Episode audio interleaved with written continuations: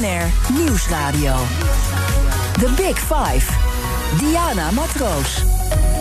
Welkom bij BNR's Big Five van de CEO. In de week van Prinsjesdag is het interessant om te kijken welke koers willen we nu echt varen met Nederland en wat is de rol van de grote bedrijven daarbij. De crisis waar we nu in zitten heeft er tot nu toe vooral voor gezorgd dat we naar de overheid kijken, maar het is interessant om het bedrijfsleven daar tegenover te zetten. Welke rol willen zij in de samenleving spelen en hoe is het om een groot schip te navigeren in deze crisistijd? Daarover praat ik met de kopstukken van het Nederlandse bedrijfsleven. Later deze week Dick Benschop van Schiphol en Frans van Houten van Philips. En gisteren hoorde je natuurlijk Hans de Boer hier bij mij op zijn allerlaatste dag als voorzitter van VNO-NCW laatste interview als de machtigste man van Nederland. En daarbij gaf hij aan dat de kloof samenlevingsbedrijfsleven helemaal niet groter is geworden en dat het een frame is.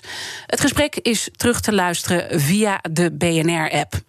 Vandaag de man die altijd wil winnen, de operatiekamer voor het bedrijfsleven verruilde, omdat hij zich niet kon opwinden over die ene pijnlijke pink. Intussen geeft hij al een paar jaar leiding aan de Gateway to Europe. Arlet Kastelein, hij is de CEO van havenbedrijf Rotterdam.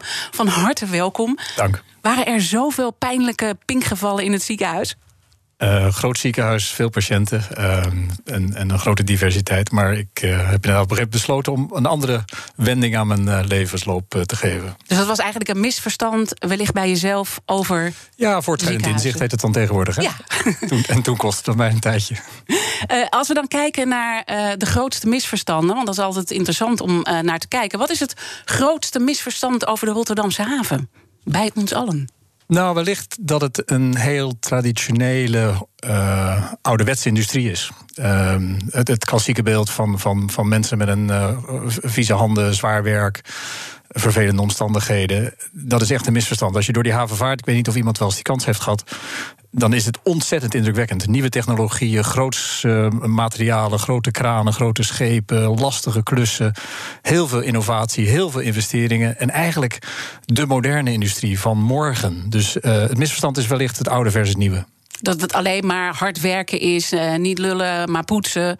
Nou ja, daar dat is niks mis mee. Wel een beetje de Rotterdamse... Die is nog wel gebleven? Die is nog wel gebleven. Ja, er wordt keihard gewerkt. Er wordt natuurlijk zeven dagen per week, 24 uur per dag keihard gewerkt. Onder moeilijke omstandigheden, weer en wind. Dat is allemaal waar.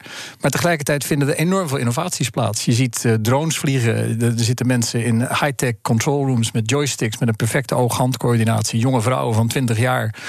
Dus de oude, het oude beeld van die bonkige mannen... Uh, met, een, met, een, met een tatoeage van uh, love, moeder op hun arm... die is voorbij een beetje weg. Uh, we gaan straks uh, wel even praten ook over uh, die transitie. maar toch mooi om eventjes met jou door die haven te lopen. Wat, wat is jouw gevoel als je daar rondloopt?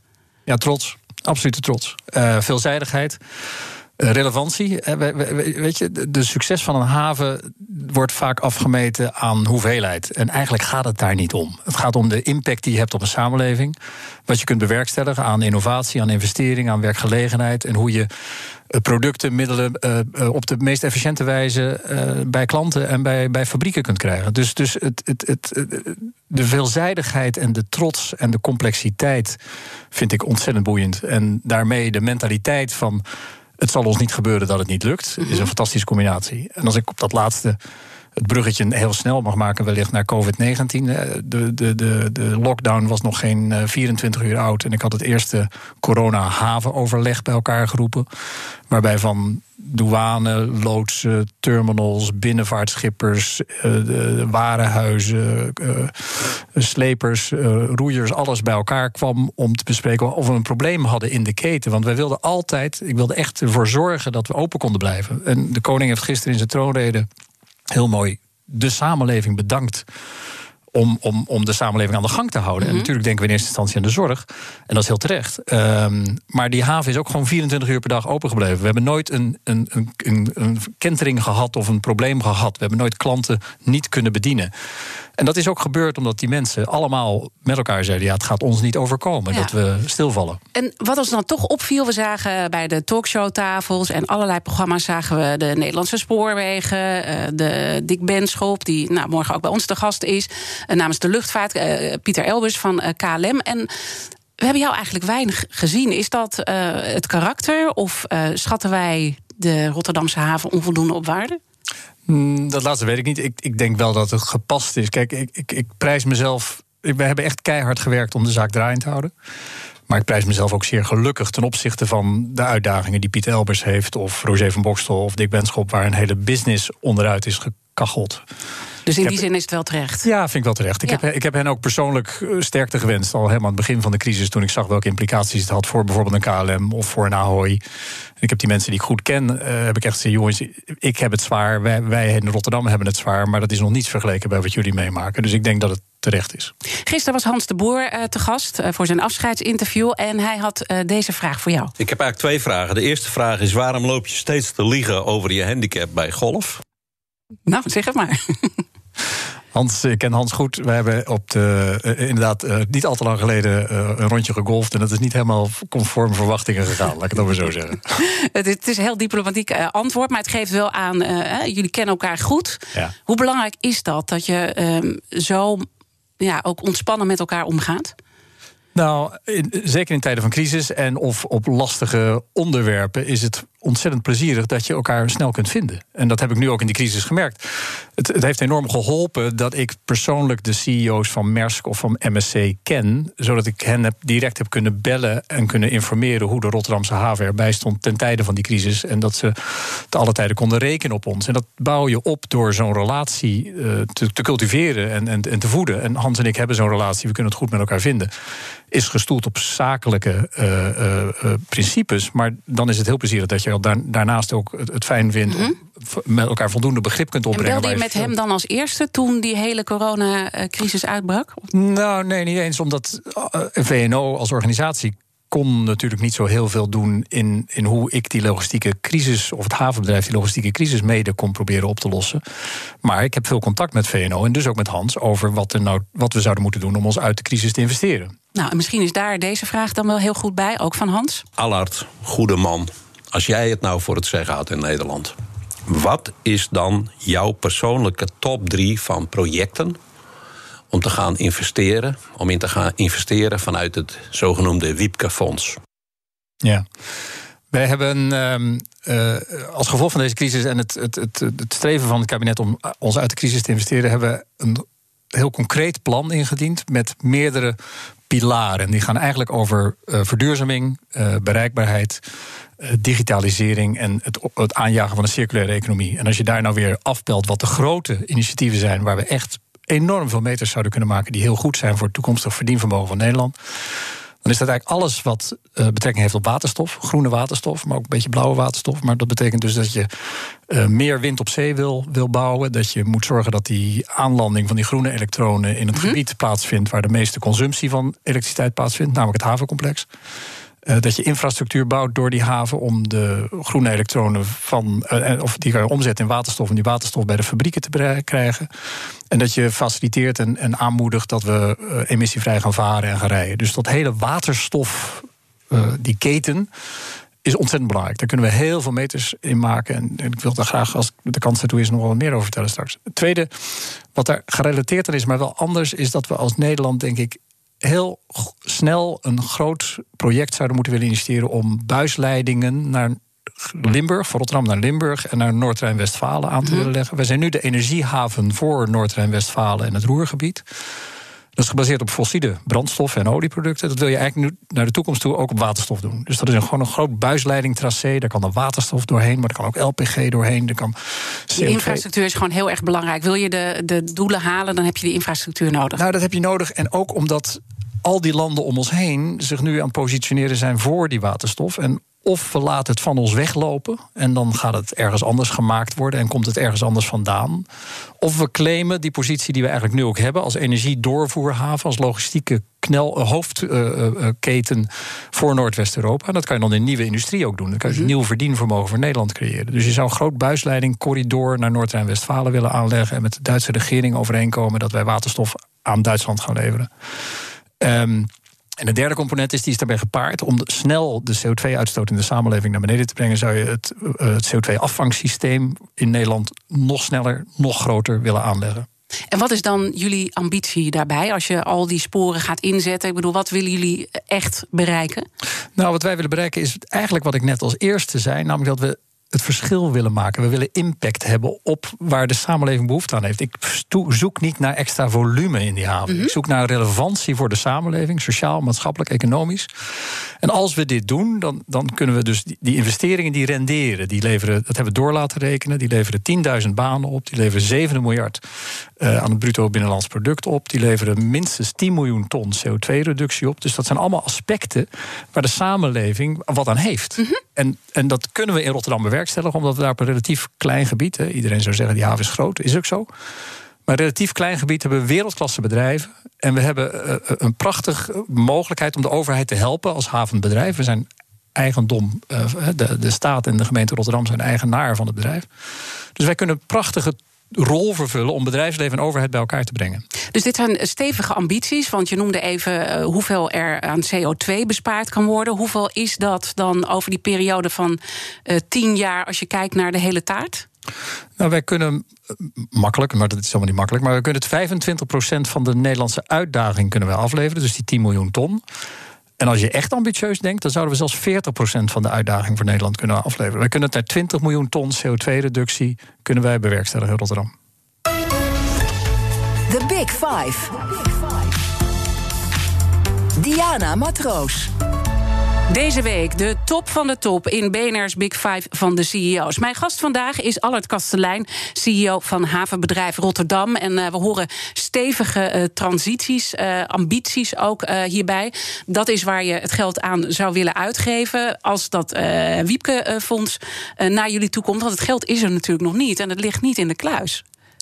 Nee, maar de, de, overheid heeft, en dat is gisteren natuurlijk bevestigd in die miljoenennota, uh, heeft hele grote ambities uh, om, om geld ter beschikking te stellen. Om, om rendabele investeringen te doen die het groei- en verdienvermogen van Nederland weer bevestigen. Dus we moeten geen geld investeren in ja, wat je de oude dingen zou noemen. En dan koppelen we het weer aan die vraag: wat is nou de perceptie van die haven? Oud? Nee, dat is het niet. Het is hartstikke nieuw.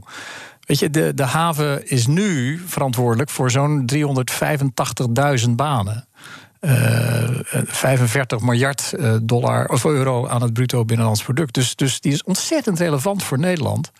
Maar het investeren in die haven is niet investeren in die oude economie, is investeren in de nieuwe economie via dat soort waterstof.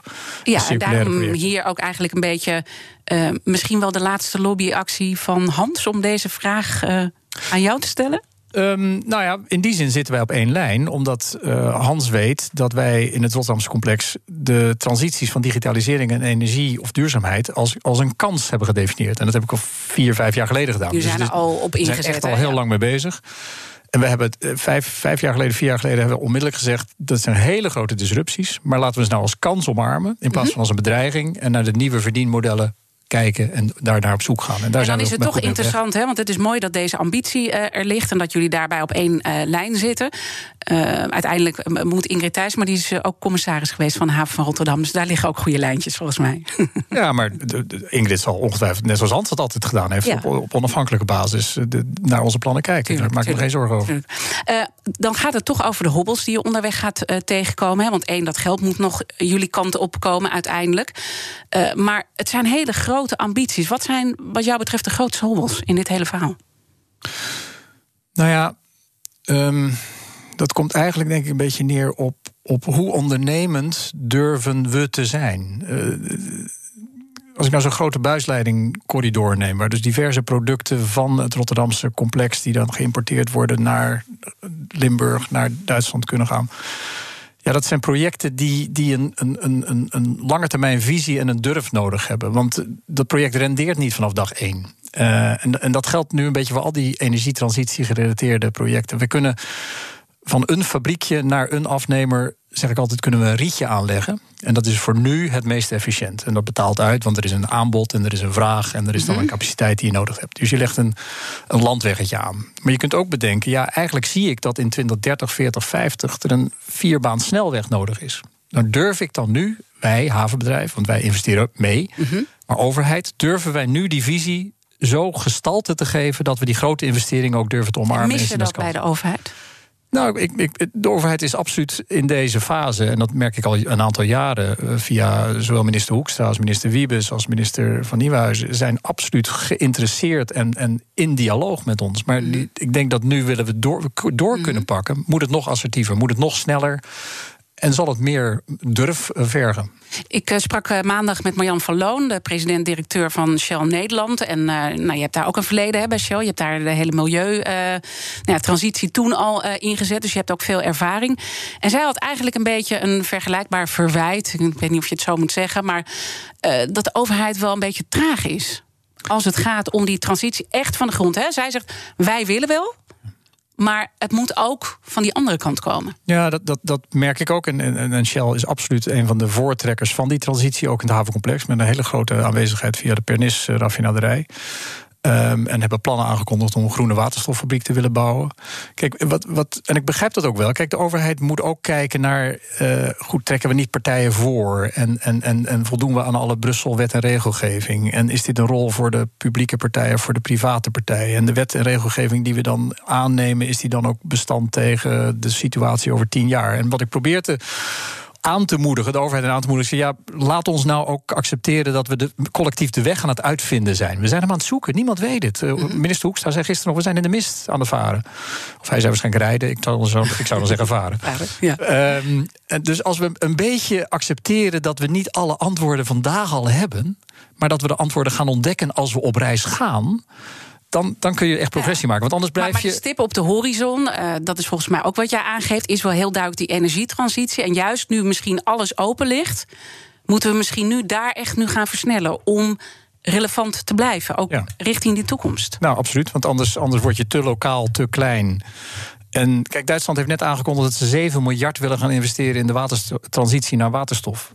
Dat gaan ze daar kunnen wij een heel groot deel van gaan uitmaken. Als we nu assertief opstaan en zeggen.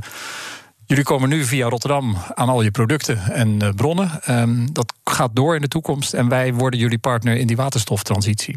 Dat, dat is een hele, dat is een hele heel duidelijk uh, uh, verklaring die je dan aflegt. En waarbij de overheden met elkaar kunnen mm -hmm. samen komen en zeggen: Nou, hoe gaan we dat dan inrichten? En wie gaat wel dus stuk van die pijpleiding aan? Eigenlijk in die zin een geopolitiek uh, vraagstuk. Uh, want je moet dit, denk ik, ook uh, nou ja, verder doortrekken. En dan misschien ook interessant om bij je voor te leggen: die Chinezen krijgen ook steeds meer invloed. Hè. Dat zijn verhalen die we steeds ook terug horen over Nederland. En ook in de Rotterdamse haven. Ze bezitten intussen al veel en veel meer. Misschien omdat wij niet bewegen te weinig bewegen?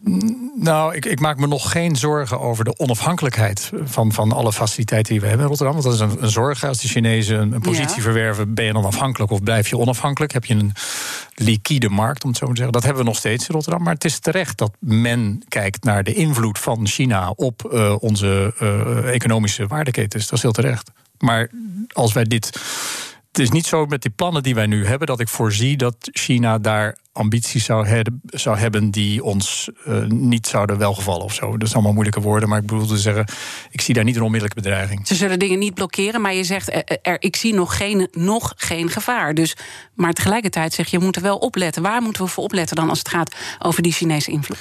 Nou, ik, ik hecht heel erg aan het feit dat al onze klanten een vrije keuze hebben naar welke faciliteiten in het havencomplex kunnen gaan.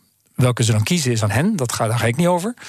Maar ik wil bij wijze van spreken een, een, een, palet aan keuzes kunnen aanbieden aan elke partij die naar Rotterdam wil komen, CQ via Rotterdam naar het buitenland wil gaan. En dat kunnen we garanderen. Dus we zijn niet onder. Er is niet een sector, een segment of een goederenstroom die gecontroleerd wordt door de Chinese partijen of door één andere partij. Mhm. Dus het maakt in die zin niet uit. Maar we weten allemaal dat China best ambities heeft op dat vlak. Maar het, het, in het algemeen is een, is een haven heel krachtig. En die van ons in het bijzonder, omdat we voor elke partij een open keuze bieden. Nou, dat moeten we blijven borgen. Ja, maar wat moet er dan uh, gebeuren om dat te blijven borgen dan? Nou, voorkomen dat, dat, dat een Chinese partij, en zeker een staatspartij, een dusdanige grote positie heeft dat ze de markt gaan bepalen. dus als wij een heel aantal olieterminals hebben en opslagterminals hebben. en, min, en meerdere uh, waterstoffaciliteiten bieden. Ja, dan, dan kan het nooit één partij zijn die dicteert wat er gebeurt in de markt. En wij willen dus een open markt zijn voor iedereen. Als ware het dat je een, een groot warenhuis binnenstapt en een klant heeft dus keuze. Nou, dat hebben wij ook. Wij, wij bieden keuze aan onze klanten. Uh, dit is nou ja, een paar hobbels die mogelijk onderweg uh, kunnen, uh, voor kunnen komen. Ik las een stuk in het NRC waar ook nou ja, een beetje een verwijt naar de Rotterdamse haven wordt gemaakt. In de zin van jullie buitenlandse deelnemingen. die veel minder milieuvriendelijk zijn. Waar het geld verdiend wordt om hier de boel recht te krijgen. Ja, klopt geen snaars van. Nee? Nee. Nee, het, het geld wordt verdiend in Rotterdam. Dat ten eerste. En ten tweede, wat we niet moeten vergeten, is dat. ehm, het is mooi dat Nederland een leidende rol kan vervullen in digitalisering, energietransitie, duurzaamheid nieuwe verdienmodellen. En we moeten ook beseffen dat er delen van de wereld zijn die nog in een heel ander ontwikkelingsstadium liggen en zitten. En dan is het heel goed dat wij bijvoorbeeld via de haven van Sohar in Oman, waar wij 50% eigenaar zijn, eh, dat we daar de Omaanse overheid kunnen helpen om van een, van een olie- en gasindustrie af te stappen naar een duurzame industrie. Dus in Oman zijn we bezig om. ehm daar wordt nu een groot eh, eh, zonnepark gebouwd. waar de zonne-energie, de industriële faciliteiten van elektriciteit gaat voorzien. En we zijn bezig met plannen om daar nog veel meer zonopwekking te creëren. Dat om te zetten in waterstof en waterstof naar Rotterdam te halen. En dat zijn fantastische vooruitstrevende plannen. Zeker voor de Midden-Oosten context. Dus wij helpen met onze normen en waarden.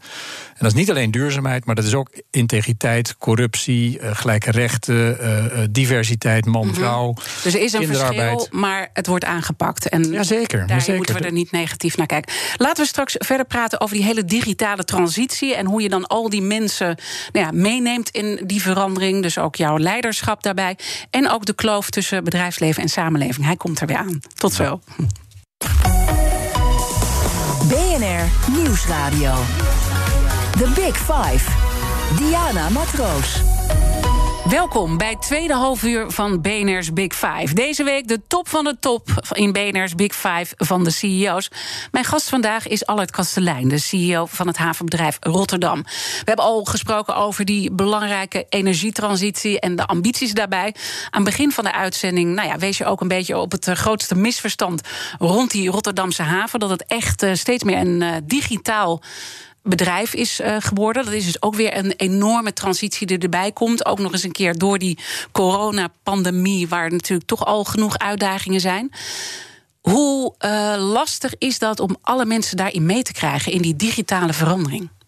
Ja, dat is oprecht een, een, een grote uitdaging. Kijk, er wordt heel veel geschreven tegenwoordig dat als scholieren van school komen of van een universiteit of HBO-opleiding, dat ze niet klaar zijn met leren. Ik denk dat je dat nu in, die, in dat stukje van de samenleving ziet. Hè? Dat, dat mensen moeten accepteren dat je niet een beroep eh, k- kunt en, en ver- vervult, maar dat je altijd open moet staan voor een verandering die dan weer nieuwe kansen gaat bieden als jouw specifieke kwaliteiten niet meer zo gewenst zijn. En dat is niet een disqualificatie. En dat is vaak zo jammer dat er een, een, een emotioneel eh, appel wordt gedaan op van ja, maar ik heb hard gewerkt of deze mensen eh, hebben hard gewerkt, dus het is onterecht dat. Maar dat is het niet. Het is inspelen op die nieuwe uitdaging. En dat is ontzettend lastig om dat over de bühne te brengen. En hoe doe je dat dan? Nou ja, wij proberen eh, continu te refereren aan, aan toch aan de kansen die het geeft. En, en, en de mooie voorbeelden dat. ehm, ik zeg altijd gekscherend, vroeger zat eh, Lee Towers op de kraan. Eh, zingend en wel, om, eh, om een schip eh, te lossen of te laden. Dat is niet helemaal waar, maar het verhaal is leuk. Ja.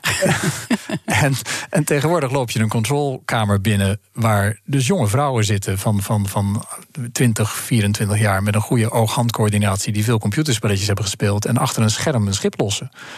Dus het is, het, weet je, het lastige is dat het niet een één op één mogelijkheid biedt. Dus je hebt nieuwe banen, zat, heel veel. We hebben, ik heb nu een, wij runnen bij het havenbedrijf hebben een hele nieuwe digitale afdeling ingericht. Er werken 50 man en de een komt uit Nieuw-Zeeland, de ander uit Nederland en de volgende uit Zuid-Afrika. Dus dat is een hele mooie groep aan jonge, enthousiaste mensen. Maar dat, het zijn niet dezelfde mensen die een andere baan hadden. Dus je, je, maar het kan best zijn dat.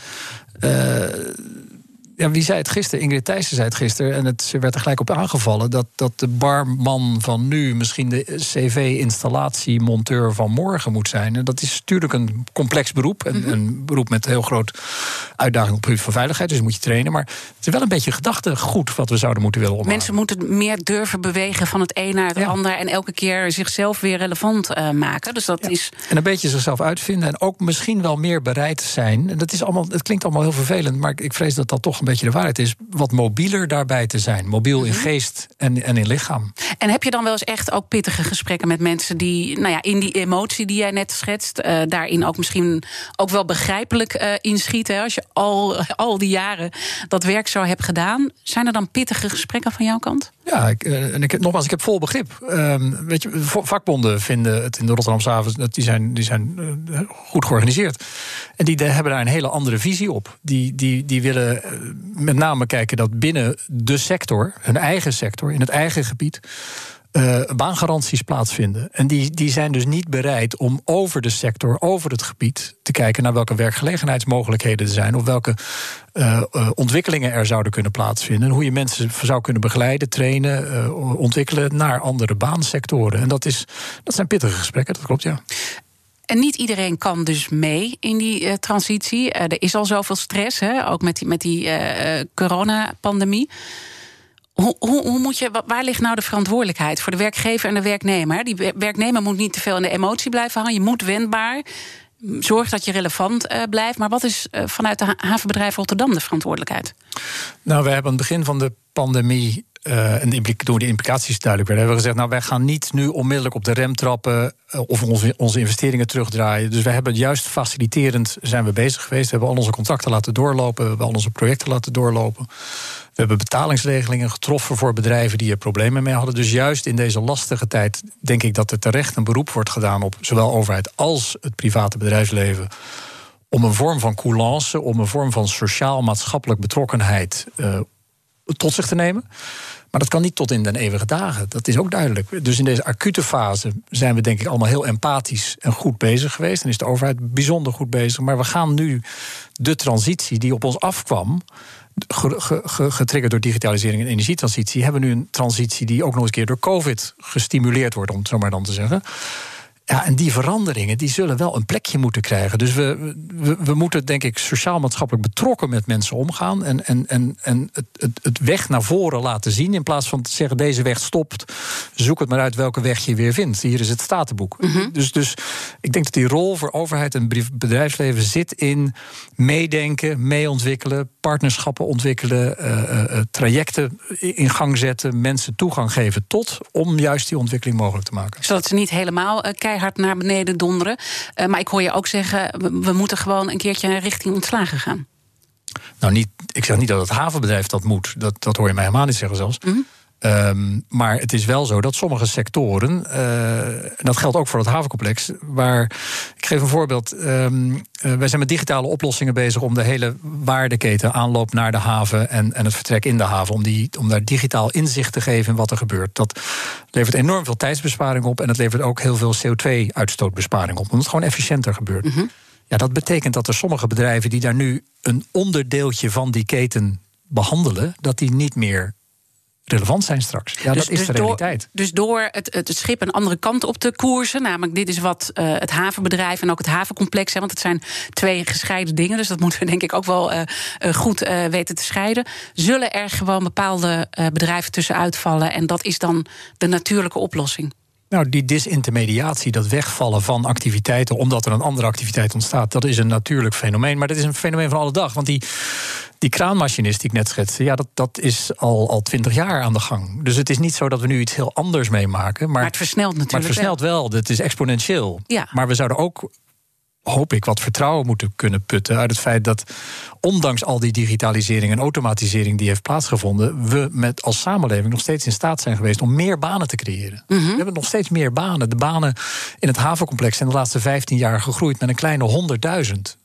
Ja, maar toch gaat er een bepaalde uh, deel gaat afvallen. Dat maak je ook heel helder. En dat moet ook om dat bedrijf gewoon gezond te houden richting de toekomst. En het is misschien mooi om hem nu iets breder te trekken. Want uh, deze week uh, stellen we ook elke keer centraal de zorgen die er zijn, de kloof samenleving, bedrijfsleven. Is het bedrijfsleven wel bereid om genoeg terug te geven aan de maatschappij? Nou, we hebben een heel rijtje toppers die zich daar echt zorgen over maakt. Ik noem maar even Klaas Knot van de Nederlandse Bank, Kim Putters van het SCP, Herman Tjenk Willing, die hier bij mij eh, te gast was eh, twee weken geleden. Hoe kijk jij naar die kloof? Is die kloof nou groter geworden, eh, ook met alle versnellingen die we nu moeten maken?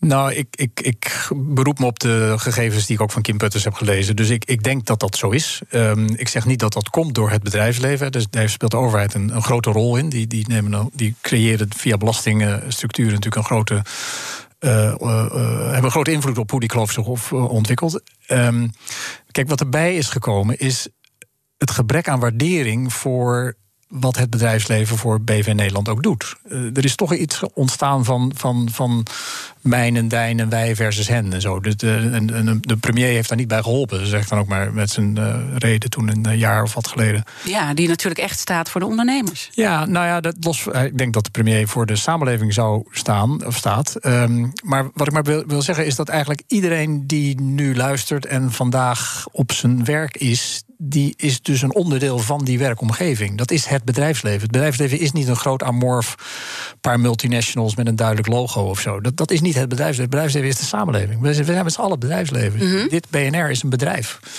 Uh, wij, havenbedrijf, zijn een bedrijf. Maar ook een, een, een hogeschool is een, een, vorm van een bedrijf. Dus ja, maar de, maar de discussie die eronder ligt... en je zit natuurlijk ook in het bestuur van VNO-NCW... vanochtend ook dat ontbijt waar jullie nu, nou ja, met elkaar over zaken praten... maar jullie komen veel vaker bij elkaar. Natuurlijk uh, Pieter Elbers, uh, nou Dick Benschop, die, Frans van Houten. Jullie praten met elkaar. Hoe praten jullie hier dan over?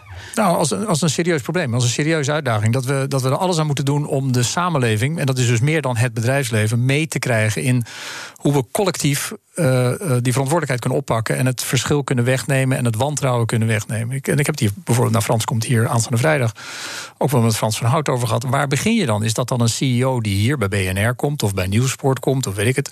Of begin je eigenlijk op de werkvloer bij, met je personeel in de, in de kantine? Ja, dat kan niet meer tegenwoordig, helaas. Maar, mhm. maar het, het, is een, het, is, het zijn wij allemaal. En het, is, het, het is, zou verkeerd zijn, zeker gezien de grote uitdagingen dat het bedrijfsleven nu als de grote boosdoener of profiteur gezien zou worden van wat zich nu gaat aftekenen. Het bedrijfsleven vindt niet. Ik ken geen enkele CEO die het leuk vindt om mensen te ontslaan. Ik ook niet. Ik ken geen enkel iemand die zegt: Nou, ik heb nou zo'n topdag gehad, ik heb een paar mensen ontslagen. Mm. Laten we straks uh, dan kijken hoe de weg voorwaarts uh, we kunnen vinden. Maar natuurlijk, eerst. BNR Nieuwsradio. The Big Five. Diana Matroos. Je luistert naar BNR's Big Five van de CEO's. En mijn gast vandaag is Allard Kastelein, CEO van het havenbedrijf Rotterdam. Ik uh, hoor zeggen, uh, we, uh, het bedrijfsleven, maakt zich ook zorgen over die kloof. die is wel degelijk groter geworden, maar gaan niet naar het bedrijfsleven kijken als de grote boeman. En dat zien we nu wel um, gebeuren. Um, Hans de Boer had het over een frame dat er over jullie wordt gelegd. Is dat een frame? Nou, maar wat maakt het uit wat het is? Het, gaat om wat, wat je ermee doet. Nou ja, als het een frame is, dan zou je kunnen denken: wat is het belang van die frame en bij wie komt hij dan vandaan? En dan kan je hem ook weer oplossen. Ja, ik, ik, ik geloof niet zo in de, de Machiavellian. Uh, conspiracy theories. Uh, uh, als er een perceptie is, dan moet je ontzettend hard werken om die perceptie weg te nemen. Als de perceptie bij de politiek leeft dat de, de winst over de plinten klopt, dan moet je die wegnemen. Als de perceptie bij de samenleving leeft dat het bedrijfsleven onverantwoord bezig is, moet je die wegnemen. Grote uitdaging in de gepolariseerde samenleving in crisis is hoe doe je dat? Ja. Nou, het mooie aan de crisis vond ik wel dat is het enige goede aan de crisis, want er is natuurlijk verder maar niks goeds aan, is, is dat we enorm saamhorig zijn opgetreden en dat we heel snel hebben weten te handelen. En dat er begrip is ontstaan voor een, een, stukje van de complexiteit. Nou, dat moet je eigenlijk vasthouden, denk ik. Dat die saamhorigheid, dus uh, gezamenlijk uh, het probleem willen adresseren. Of het nou is je maatschappelijke verantwoordelijkheid en openbare verantwoordelijkheid nemen ten aanzien van afstand houden. Of dat het is dat je, dat je besluit dat, dat, dat je alles opzij zet om, om, de, om, om het zorgpersoneel te faciliteren mhm. en mensen op te, op, te, op te leiden een stukje van die saamhorigheid, een stukje van het vertrouwen, dat, dat zou je willen omarmen. En je moet inderdaad met bedrijfsleven en, dat, en, en alle werknemers, en dat is dus een ongelooflijk groot deel van de samenleving, met elkaar zeggen: hoe gaan we het allemaal beter maken? Ja. Dat is een mega groot probleem. En ik heb ook niet de, de, de, de enige oplossing die daarbij geldt. Maar ik geloof wel dat het dus echt door ons het is ook hoe we erover praten. Als je dus blijft faciliteren, als je blijft zeggen bij de koffiemachine, het eh, bedrijfsleven is onverantwoord, dan, dan, dan neemt je buurman dat ook over. Dus ik geloof ontzettend vanaf de basis, de werkvloer, de mhm. koffiemachine, het restaurant. En nogmaals, COVID laat het allemaal niet toe. Met elkaar, durf elkaar te corrigeren. Durf gewoon te zeggen, joh, mijn werkgever doet hartstikke goed. Als, eh, wij doen veel onderzoek binnen onze organisatie over hoe het onze, onze, onze eh, collega's vinden dat wij het als bestuur doen. Nou, daar krijg ik heel veel waardevolle informatie uit. En dan hoop ik dat ze het een beetje aardig vinden. Ja, want, want uh, uiteindelijk ben je natuurlijk een leider van dat. En dat is mooi om het leiderschap ook uh, dan met jou aan te kaarten. Wat heb je geleerd in deze tijd als het gaat om uh, leiderschap? Ik weet ook dat je. Uh, je hebt de operatiekamer heb je verruild voor het bedrijfsleven. Maar ik weet dat je veel artsen ook in je omgeving hebt. Daar heb je natuurlijk ook een hoop uh, zien gebeuren. Is ook heel veel discussie over de zorg. Wat leer je daar als leider van? Ik, ik, ik, denk dat. Um, ik leer elke dag gelukkig. ik denk dat ik geleerd heb en bevestigd heb gekregen hoe ontzettend belangrijk het is om duidelijk te communiceren. Ook al weet je het niet. En vooral niet te pretenderen dat je het wel weet als je het niet weet. En het tweede, wat ik denk ik, wat we allemaal bevestigd hebben gezien, is dat je, je moet ook durven handelen. Als je dus achter de computerschermpje en je analyse en je Excel-spreadsheetje blijft zitten om te wachten tot het antwoord daaruit komt, dan lukt het niet. Dus in, in onzekere tijden moeten leiders een visie durven ontwikkelen, gebaseerd op de dan eh, beste informatie en stappen durven nemen. En dan moet je ook durven zeggen: Goh, ik heb twee stappen genomen, maar ik moet eigenlijk toch wel drie naar links, want dit klopt niet helemaal meer. En dat schetste ik net ook even over die ondernemende overheid. We moeten niet wachten op alle antwoorden. Dan lukt het niet. Dus heel helder communiceren, ook al weet je niet precies wat er aan de hand is of wat er gaat gebeuren. Uh, en durf, durf te bewegen, durf te stappen, durf je... Durf te bewegen en durf ook tot, tot inzicht te komen, voortschrijdend inzicht, absoluut, dit werkt niet. Absoluut. En is dat moeilijk in een uh, maatschappij waar we toch een beetje een, ja, zou ik het afrekencultuur ja. noemen? Is dat lastig? Ja, want, want we tolereren als samenleving heel slecht dat er een soort risico nog zit in wat we doen. En dat risico kan je ook zien, een investering pakt niet helemaal uit, of een idee klopt niet helemaal. En goh, ik heb dat vorig jaar gezegd, en ja, maar u bent niet betrouwbaar. U heeft gezegd dat u. Dus, dus het, het falen of het niet lukken of het bijstellen wordt gezien als zwakte. En ik geloof, wij geloven oprecht in wat wij dan, dat kan je mooi noemen, kwetsbaar leiderschap. Maar stel je nou een mm -hmm. beetje open. Ik pretendeer totaal niet dat ik alle kennis nee. heb. Spreek je hier ook de journalistiek aan, de media? Nou, collectief. Ik, ik, ik leg niet de pijnpunt bijeen. Ik vind wel dat we, dat we afdwingen in, communicatie, in elke vorm van communicatie, afdwingen. Het, het, moet, het moet kort en het moet gelijk tot een oplossing leiden. Dus het, het onzekere, het uh, ja maar, het kan dit, het kan dat, ik weet het niet helemaal. Ja, dat wordt niet echt lekker ge, ge, getolereerd of, of, wordt gezien als, als vrij zwak.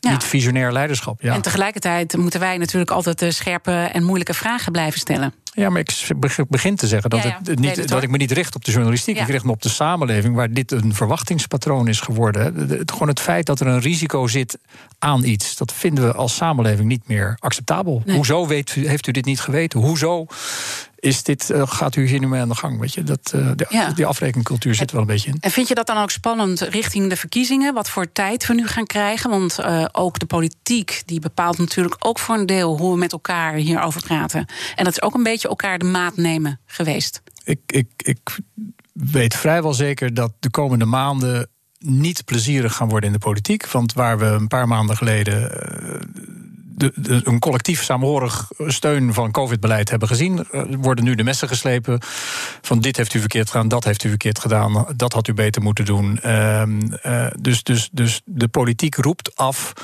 dat er mensen liefst bij de knieschijven worden afgezaagd. En dat, dat leidt niet tot een samenleving die een, die, die een saamhorig gevoel heeft van waar we naartoe gaan. Nee, en ook niet een sterker economisch Nederland. Want dat is dan het gevolg daarvan wat je ook schetst. Nou ja, het gevolg daarvan is dat de politiek zo zeg maar, um, uh, op zijn hoede is dat er gezocht wordt naar consensus. En consensus is een beetje de vluchtheuvel van een dwangen politicus. Weet je, dan durven we geen besluiten te nemen. Want iedereen moet het ermee ja. eens zijn. Ja, dat gaat niet gebeuren. Ja, maar dat is ons poldermodel en het hele coalitiemodel. Nee, maar, ja, maar er is een verschil tussen een poldermodel en, en maximaal continu consensus willen. Een poldermodel voor mij betekent dat je goed naar elkaar luistert, dat je een harde dialoog met elkaar voert, een constructieve dialoog. En dat je een compromis niet ziet als een zwakte. En dat je wel een besluit neemt. En als we nu alles en iedereen tegelijkertijd te tevreden willen stellen. Uh, ja, dan krijg je een, een, een, hybride modelletje van iets wat niet assertief en niet, niet daadkrachtig is. En ook niet die grote stappen geeft die we zouden moeten durven nemen. Grote stappen moeten er ook genomen worden in de luchtvaart. Morgen heb ik Dick Benschop, eh, de CEO van Schiphol, te gast.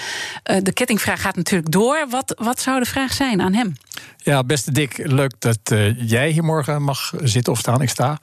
Um, zoals je weet zijn wij bezig met het havencomplex om het hele complex te verduurzamen. Ik weet dat jij bezig bent om Schiphol te verduurzamen. Maar ik ben erg benieuwd hoe je ziet dat Schiphol een rol kan spelen om de luchtvaartsector in zijn algeheel te verduurzamen. En wat dat ook doet, uh, wat jouw plannen ook doen uh, in de context van een COVID-crisis. Die ga ik hem stellen, zeker. Neem ik morgen mee. Uh, ik ben nog toch benieuwd naar jou als persoon. Je bent iemand die wil winnen. Alles is nu spannend. Hè?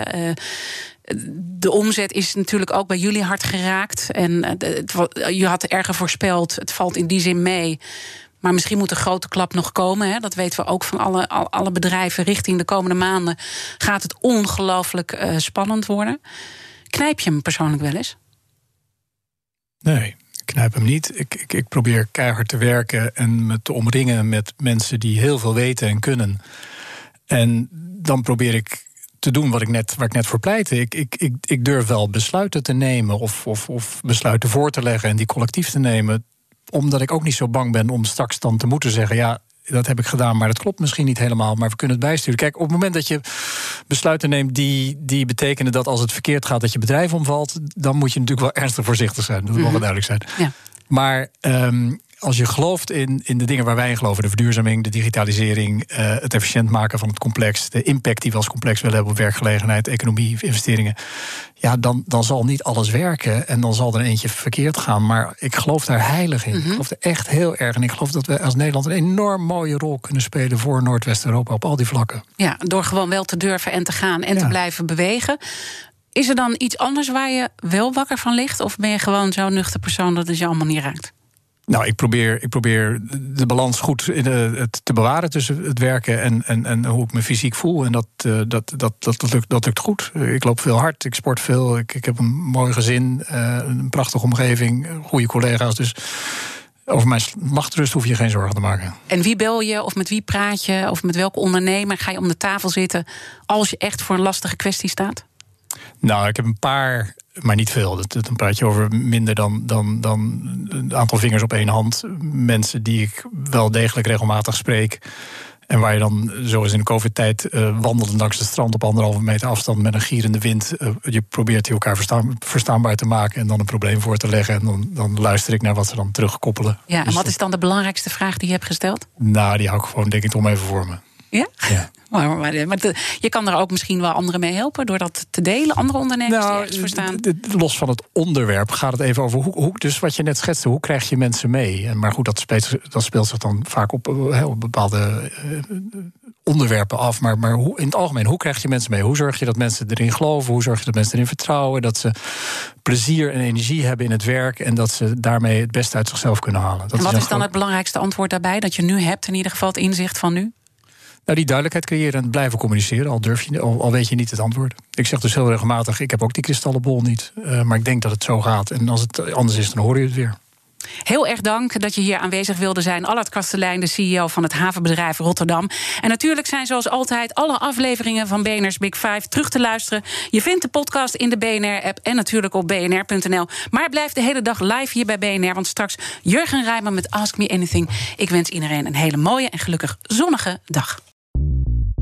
Bij BNR ben je altijd als eerste op de hoogte van het laatste nieuws. Luister dagelijks live via internet. Jelle Maasbach. Wesley Weert. We zijn er voor je met het leukste, opvallendste, maar natuurlijk ook het belangrijkste nieuws. Tijdens de presentatie van die halfjaarcijfers toen die beurskoers in elkaar kukkelde. BNR Beurs. Voor de slimme belegger. Blijf scherp en mis niets.